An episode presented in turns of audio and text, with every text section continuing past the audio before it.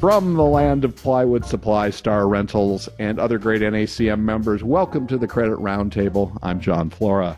Our podcast is intended to teach you something new about a topic that will help you, your company, and your credit department. During our recent Northwest Commercial Credit Conference, I was asked by a couple of our newer members what our association's doing in terms of public policy issues and government affairs. So, for this episode, we're going to discuss the kinds of issues NACM Business Credit Services chooses to engage in on behalf of our members, and more specifically, how and why we do it. For this conversation, we're joined by our longtime contract lobbyist, Mark Gjurasic, and Chester Baldwin. Both are alumni of the University of Washington, and in addition, Chester is a graduate of the Seattle University School of Law.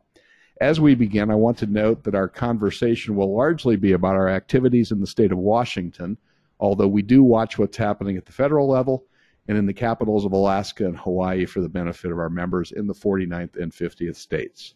It's also worth noting that we're one of the few NACM affiliates that takes an active role in government affairs because we believe it's important that our member companies are well represented. So, with that, gentlemen, welcome. And Mark, let's begin with you. Let's take on a basic question What is lobbying and why do we do it? It's a great question, and I think a lot of folks really don't understand it. But let me just break it down into two sections.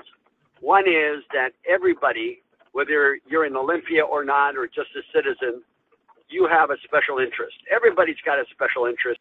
Some choose to be their own lobbyists by coming down Olympia and voicing their opinions. It could be from a lot of different social issues, for example, or you hire somebody to do it your executive director, it could be a contract lobbyist, it could be somebody on staff that looks at all the issues out there that might impact your interest. The basic building block of lobbying is education. And education means that us as lobbyists, we have to keep lawmakers totally involved in understanding our issues, being able to see those issues from our perspective. And if we keep educating and having our clients educating, you really educate at the highest level you can. And remember, everybody's got a lobbyist, whether you're paid or not paid. Chet, what do you think about that? I would agree. And I think lobbyist has become sort of a bad word because of actions that happen mostly nationally. But on the state level, we tend to work together down in Olympia to get things done. And that starts with our clients. And Mark's 100% right. Our effectiveness in Olympia is about building relationships, educating lawmakers, and then having our members start to build those same relationships so that lawmakers understand that those things that are important to us are also important to real people who are their constituents. I think that one of the big successes NACM has had, and one of the reasons why the Washington chapter of NACM has been so successful, is our members are involved. We have a great grassroots effort. When there are bills that affect us, and Mark and I report back to let you guys know what those are, you guys get people on top of it. You guys have people who care about this and understand that government affairs affects everyone. What happens in Olympia affects our pocketbooks for everyone across the state in different ways. And so being involved, I believe, just makes sense. You both have been involved with us for quite a while. What would you consider our biggest achievements over the years? And maybe conversely, where have we come up short? Yeah, uh, I'm going to let Chet handle that one as we talk about liens and the issue that came up a couple of years ago, which we got deeply involved in.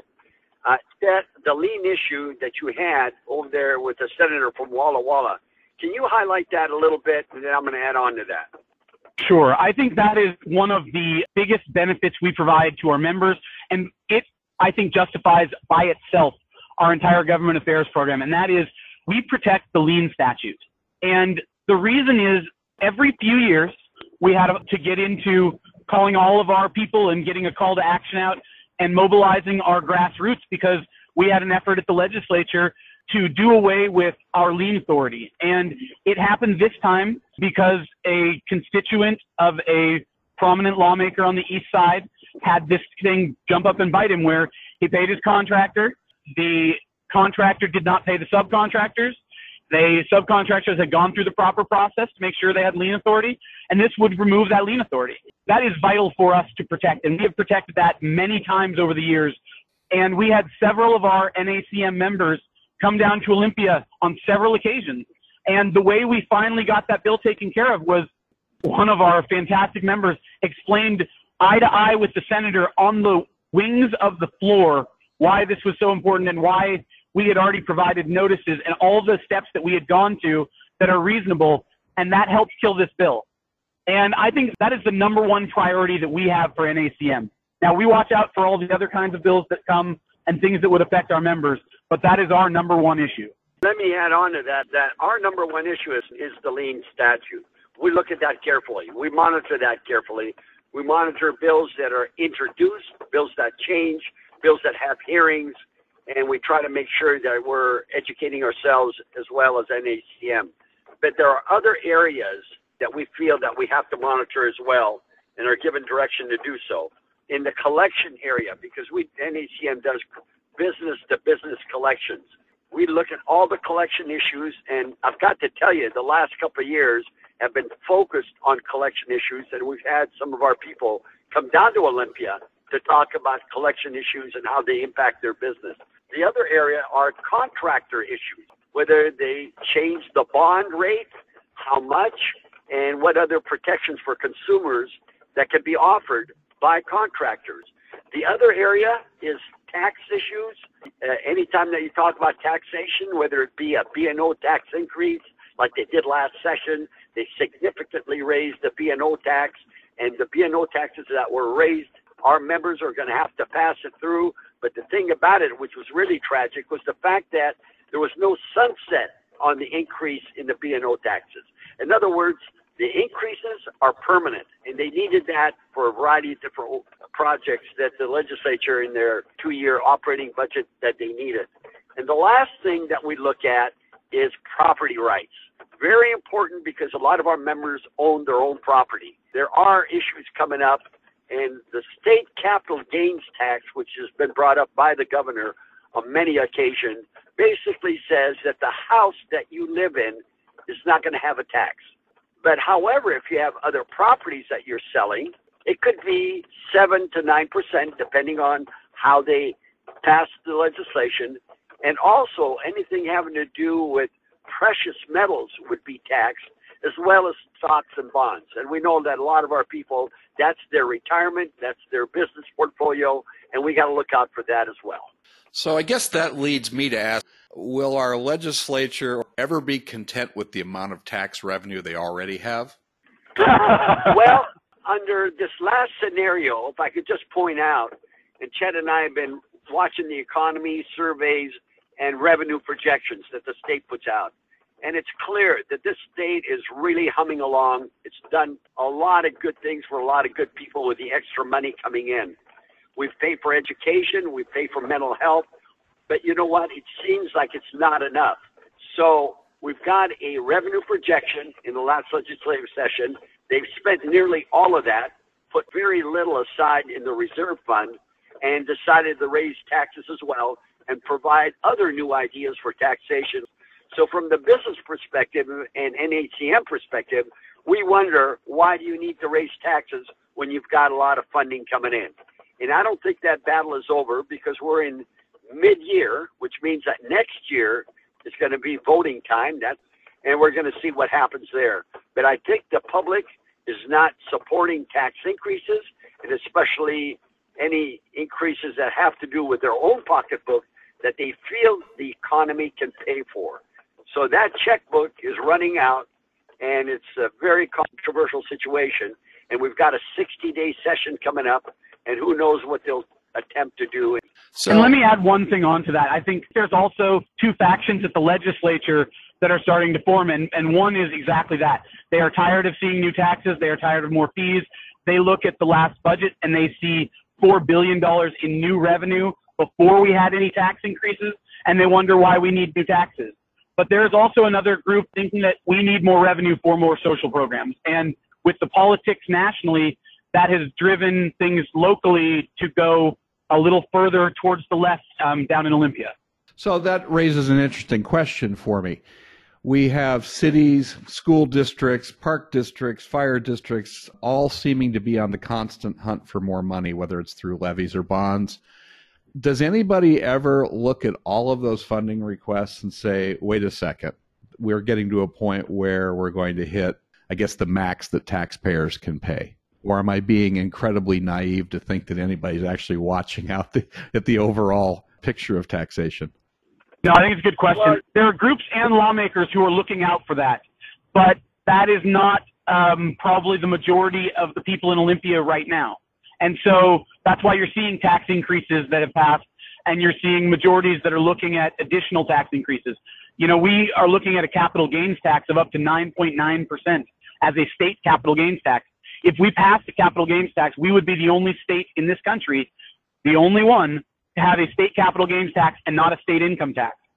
So I, I think instead of seeing it as less tax, I think there's a lot of folks who see, look at this and believe that we need an income tax as well, which a capital gains tax is. You got to understand too. There's a, there's a lot of lawmakers that present a lot of tax policies that they know that won't pass this year, but may pass two, three, or four years from now. They position themselves for political purposes to introduce legislation, even if they think it's not going to pass this year. But I think what's important here is the governor and the and the majority party they do look at it, but they also look at what outweighs those tax increases. And there's some social issues that need to be dealt with, and the legislature wants to deal with those. Is there going to be enough money? Well, it seems like there's never enough money. So, from a business perspective, what we've got to do is protect ourselves to make sure that capital gains, property taxes, and other such issues don't go forward because we cannot pass that on as readily as many lawmakers think.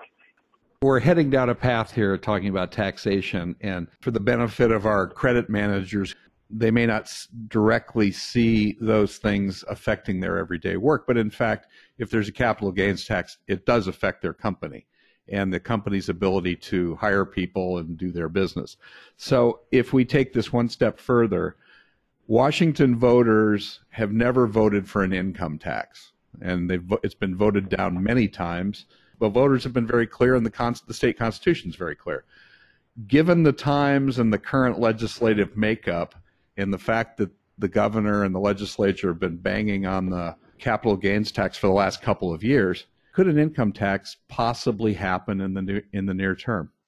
I don't believe in the next 60 day session they can pass it. Now I'm getting myself a little over my skis here when I say that, and that is when you have a 105 day session and it's right after election time, then there's greater chances of doing it. We know that this governor is going to be reelected. He supports, you know, income tax, capital gains tax. So if anything comes on his desk, he'll sign it. Now, having said that, I don't think you're going to see passage in a 60 day session, which is what we're going to get into in early January, that's going to pass.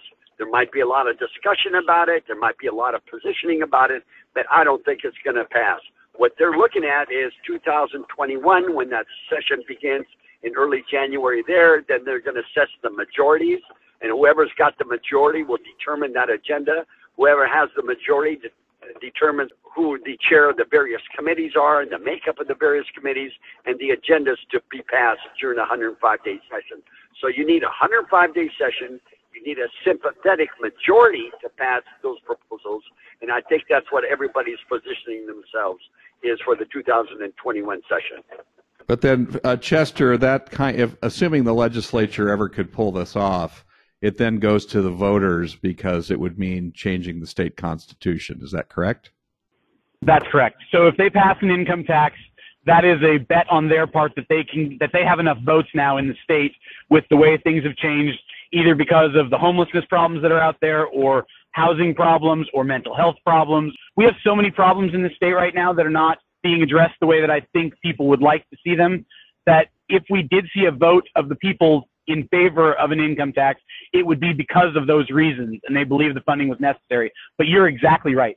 We have a long history of saying no to an income tax, and that's why it's a constitutional protection. And so it would have to change for that.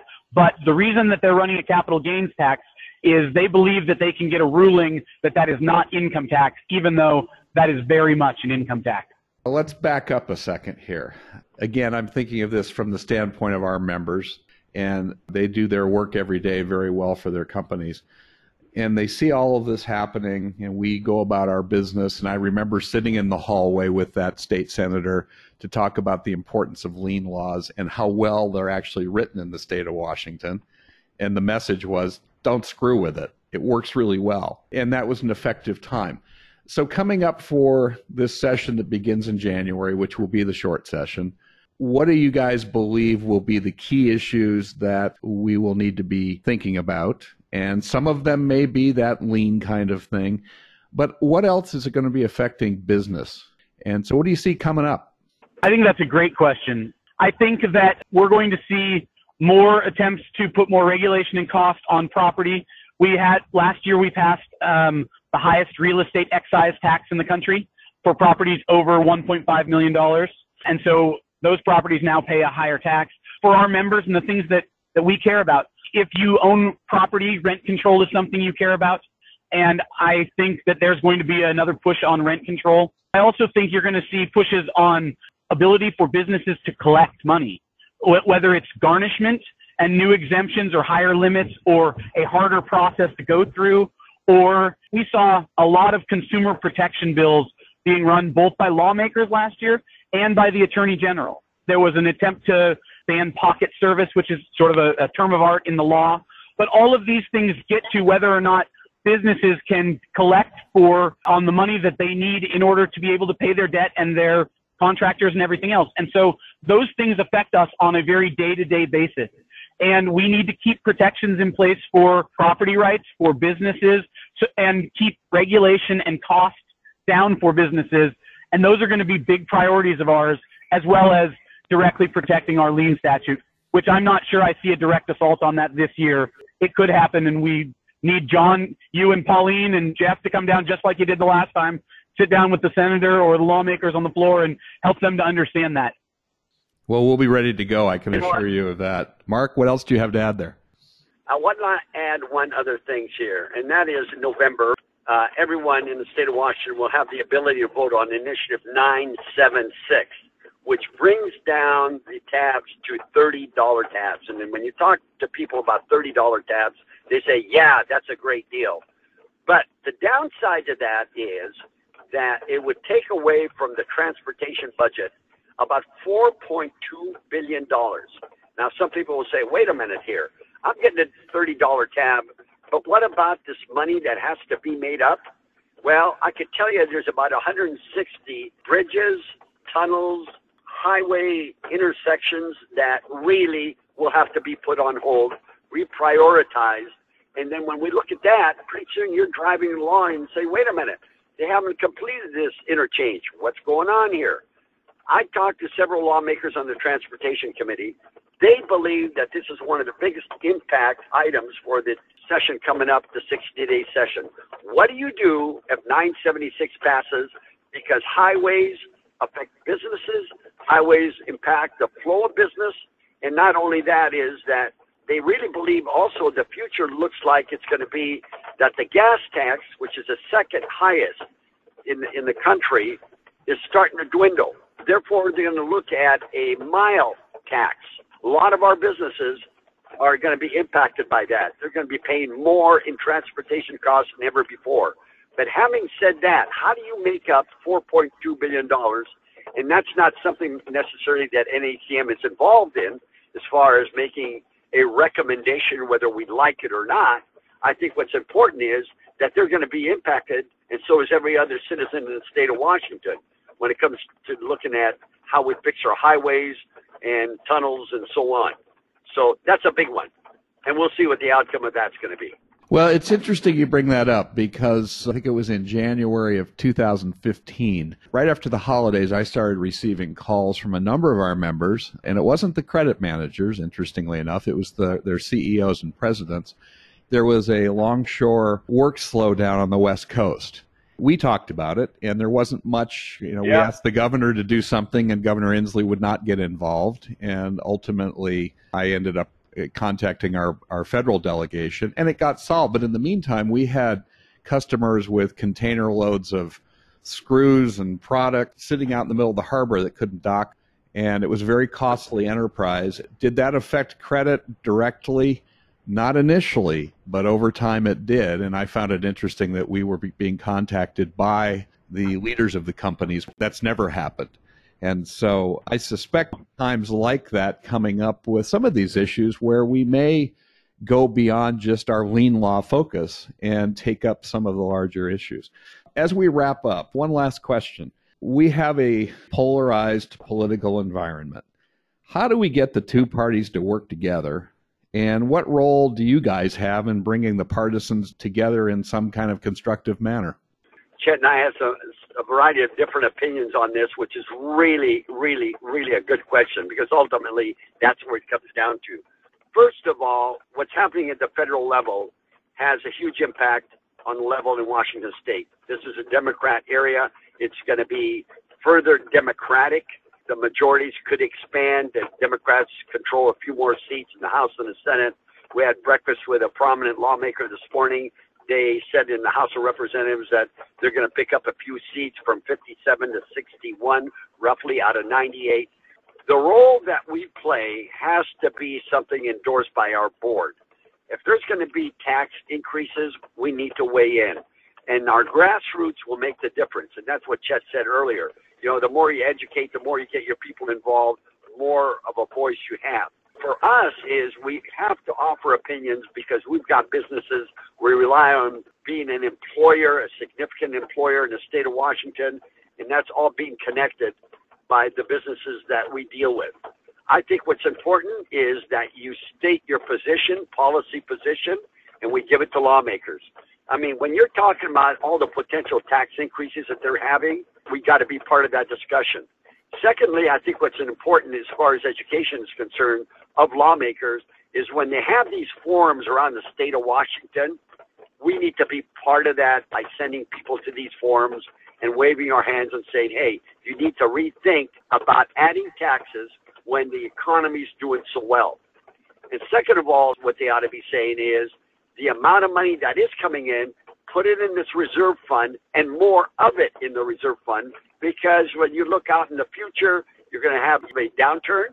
We all know it's going to happen. We're not sure when it's going to happen, but you got to have that money in there. And when you have that money in there, then it's more likely that you could use that money without no new taxes in a bad economy. What we can do as lobbyists is educate you, have you be part of the process, expand your horizons further than just the lien law, and have policy decisions put into place so when Chet and I see these, we're able to have our position paper, we're able to testify on your behalf, and of course, we love when you guys come to Olympia and testify on your own. Chet, I'll give you the final word on this. The thing that brings lawmakers together and the thing that I think will bridge that gap is education and advocacy. The thing that makes lawmakers hostile to other people is not understanding them. The more that we have gotten out and actually met with lawmakers, help them to understand we're real people, we are members in the community, we have kids, we have families, we have houses, you know, we're just regular people. They start stop villainizing either side and start realizing we have a lot more in common than we do apart. But that takes going out and reaching out and educating people. And one of the things that we do as lobbyists, our biggest job is educating lawmakers and advocating to them. And we work with Democrats and Republicans across the board. We work with all lawmakers. They may not be with us on every issue on any of those folks, but you all build a relationship and you get to know people and you explain your side and then they're not as hostile about it. And that's what needs to happen is we need to take some of that hostility down and we need to start looking at where we have things in common versus where we have differences. Mark Gjurasic and Chester Baldwin, thank you both for your time today. This has been an interesting discussion, and we appreciate your service to the credit profession. And we'll look forward to joining up with you in January for the next session of the legislature. That's a wrap for episode eight. If you have comments about our podcast or have ideas about future discussions, please drop an email to feedback at nacmbcs.org. The Roundtable is a presentation of NACM Business Credit Services, Seattle, Washington, all rights reserved. I'm Jon Flora. Thanks for joining us. We'll see you next time here on the shores of Elliott Bay, the Credit Roundtable.